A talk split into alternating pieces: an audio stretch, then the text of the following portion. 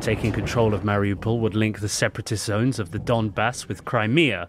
The city's 450,000 residents have been without water, electricity, and fuel for a number of days, whilst they are increasingly fearful of attacks. Fleeing could be risky. Welkom bij deze speciale Oekraïne-update van Wereldmachten op maandag 7 maart. In deze podcast bespreken we de geopolitieke ontwikkelingen achter het nieuws. Mijn naam is Esther Krabbedam en samen met journalist Hans Klis bespreek ik vandaag de laatste updates rond de oorlog in Oekraïne. En we geven je tips waar je meer over de situatie kunt lezen en luisteren. Normaal gesproken verschijnen we alleen op donderdag, maar vanaf deze week maken we om de dag een extra korte aflevering zoals deze. In onze donderdagaflevering duiken we dieper in één onderwerp, maar in deze korte afleveringen bespreken we de vijf belangrijkste updates over de situatie rond Oekraïne praten we af en toe met een expert en tippen we je artikelen en podcasts om je verder te verdiepen. Even belangrijk om te noemen, we nemen deze aflevering in de avond op, zodat die vroeg in de ochtend in jouw feed kan verschijnen. Het kan natuurlijk dat er vannacht iets gebeurt wat we daardoor hebben gemist. We zullen dat dan natuurlijk wel in de volgende aflevering bespreken. Maar voor we erin duiken, Hans, hoe heb jij dit weekend de ontwikkelingen gevolgd, dus het uh, gezinsleven door? nou, met een huilende baby op één arm, maar uh, ja, met mijn mobiele telefoon in de andere. En dan uh, vooral doomscrollen en kijken hoe, ja, hoe de situatie zich ontvouwt eigenlijk in de Oekraïne.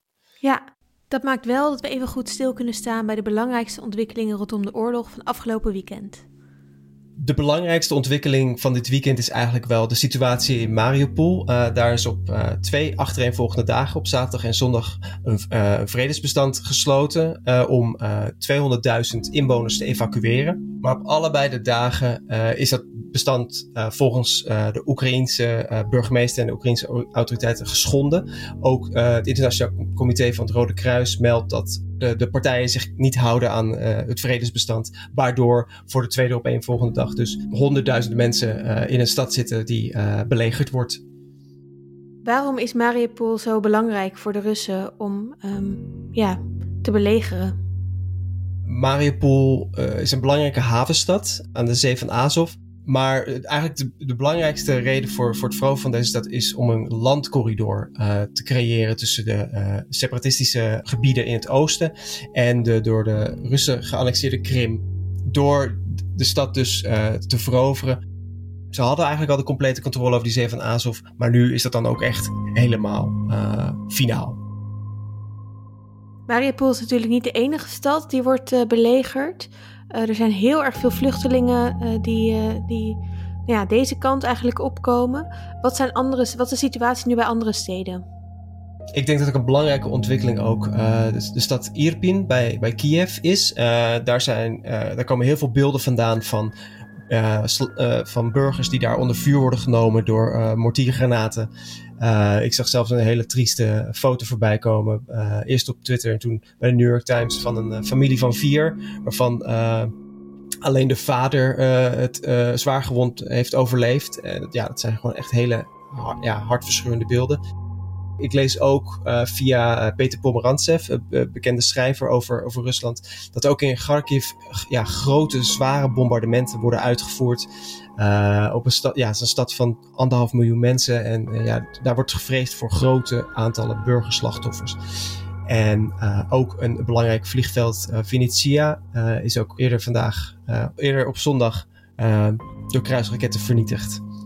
En alles eigenlijk, als je alles bekijkt, ja, uh, dit is heel veel geweld in heel veel steden. En het heeft ervoor gezorgd dat er al anderhalf miljoen vluchtelingen het land zijn hebben verlaten in de afgelopen tien dagen volgens de VN. En dat is dan de grootste vluchtelingencrisis in Europa sinds de Tweede Wereldoorlog. I'm in central Moscow here, outside the Bolshoi, and I just want to show you the sheer amount of force that's been put out onto the streets. There are riot police, military police, Volgens de laatste berichten zijn er in, uh, bij demonstraties in Moskou zeker 1700 mensen opgepakt. En in Sint-Petersburg iets van 750. En als je kijkt uh, op de beelden die op social media voorbij komen, ja, het is best wel, zijn brute beelden. mensen die met elektrische stokken worden ja, je ziet mensen met heel veel bloed op hun gezicht. Je ziet ouders met kinderen die in arrestatiebussen verdwijnen. Sinds begin van de oorlog, 24 februari, zijn er al zeker 10.000 arrestaties in het land ja, gedaan van demonstranten. Wel bijzonder dat er zoveel mensen dit weekend dan alsnog de straat op gingen. Want er is vrijdag ook een wet ingevoerd dat je 15 jaar gevangenisstraf krijgt als je kritisch bent over de oorlog, toch? Ja, dat klopt. Dus de, het feit dat deze mensen de straat op zijn gegaan getuigt van heel veel moed. Uh, uh, en uh, die wet die, die je noemt, die heeft ook al voor gezorgd dat heel veel mediaorganisaties zoals de BBC, maar ook bijvoorbeeld de, de, de NOS, ja, de activiteiten in het land gestaakt zijn. En dus nu weer naar Nederland gaan, nou ja, zag ik de NOS-correspondent Iris ja. Graaf. Ja, klopt ja. ja dus het wordt steeds moeilijker om, uh, om, ja, om, om als buitenlandse nieuwsorganisatie het nieuws in de Rusland te volgen. Ik las meerdere berichten over wereldleiders die zich dit weekend hebben opgeworpen als, een, uh, als onderhandelaar. Om hopelijk een staakt het vuren of een, uh, nou ja, een verdrag misschien zelfs dichterbij te brengen. Erdogan die heeft zondag aan de telefoon met, met Poetin gesproken. Um, de Israëlische premier Naftali Bennett die is zaterdag op tijdens de Sabbat, dus dat is best wel bijzonder, naar Rusland gevlogen. Daarna door naar Duitsland om met Scholz te praten, maar hij heeft dus in Rusland met Poetin gesproken. Um, en uh, uh, ook Macron heeft al inmiddels drie keer uh, met Poetin overlegd via de telefoon om nou ja, te kijken of er niet toch een soort vrede of, of in ieder geval gesprek mogelijk is.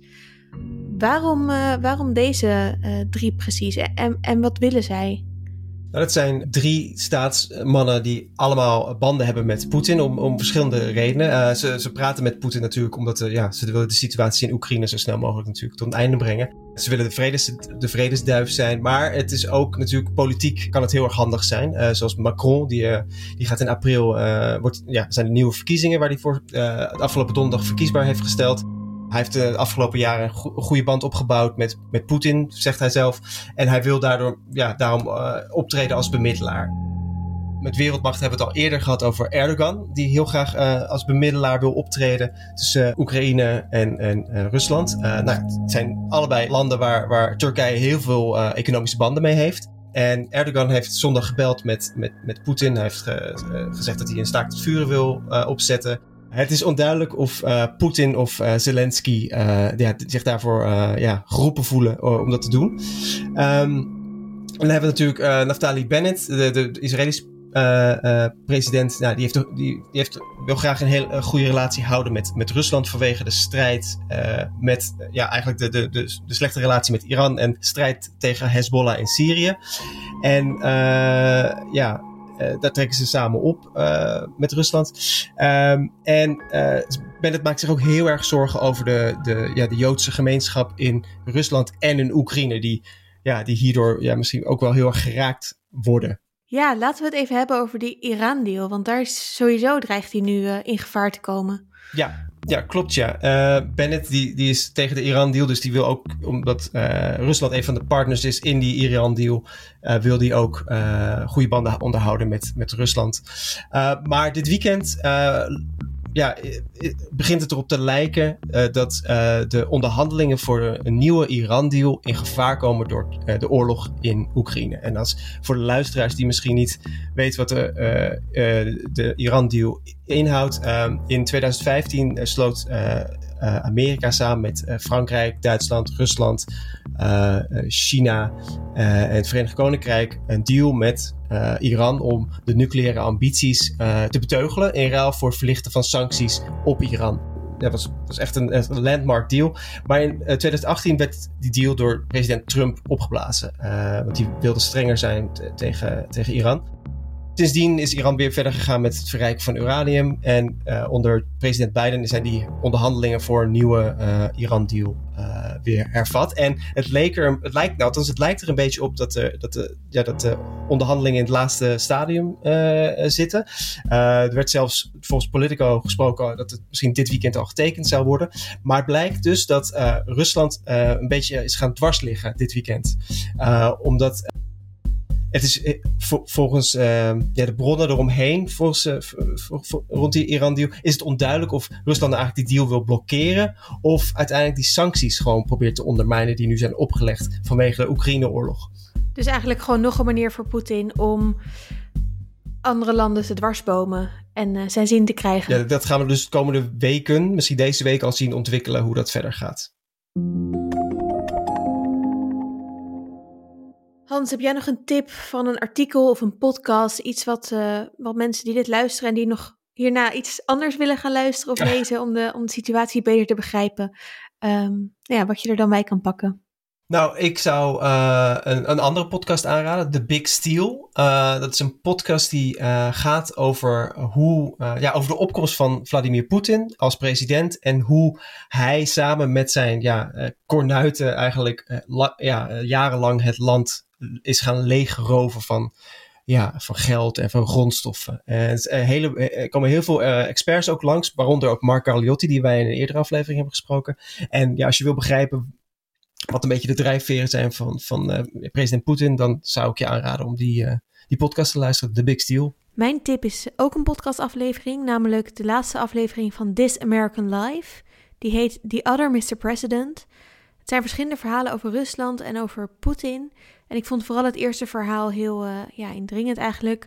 Over hoe hij mogelijk aan de macht is gekomen door een bomaanslag te plannen en anderen daar de schuld van te geven. Spannend verhaal, uh, interessant en uh, ik heb er weer veel van geleerd. Ja, oorlog lijkt een terugkerend thema te zijn in de carrière van Poetin. Dat was de aflevering van 7 maart. Dankjewel voor het luisteren. Woensdag zijn we bij je terug met een nieuwe update en op donderdag verschijnt onze gewone aflevering. Daarin bespreken we deze week de vrienden van Poetin. Welke landen blijven hem steunen en waarom? Zorg dat je je abonneert op onze podcast, zodat je de afleveringen meteen in je feed krijgt. Heb jij vragen of tips die we met luisteraars kunnen delen? Stuur ons dan een bericht via Twitter, Instagram of vriendvandeshow.nl slash wereldmachten. Wereldmachten is een podcast van dag en nacht in samenwerking met de buitenlandredactie en wordt gemaakt door Jeroen Sturing, Lara de Boer, Meerte van Munster, Hans Klis, Tim Wagemakers, Anne Janssens en Esther Krabbedam. Muziek door Studio Cloak.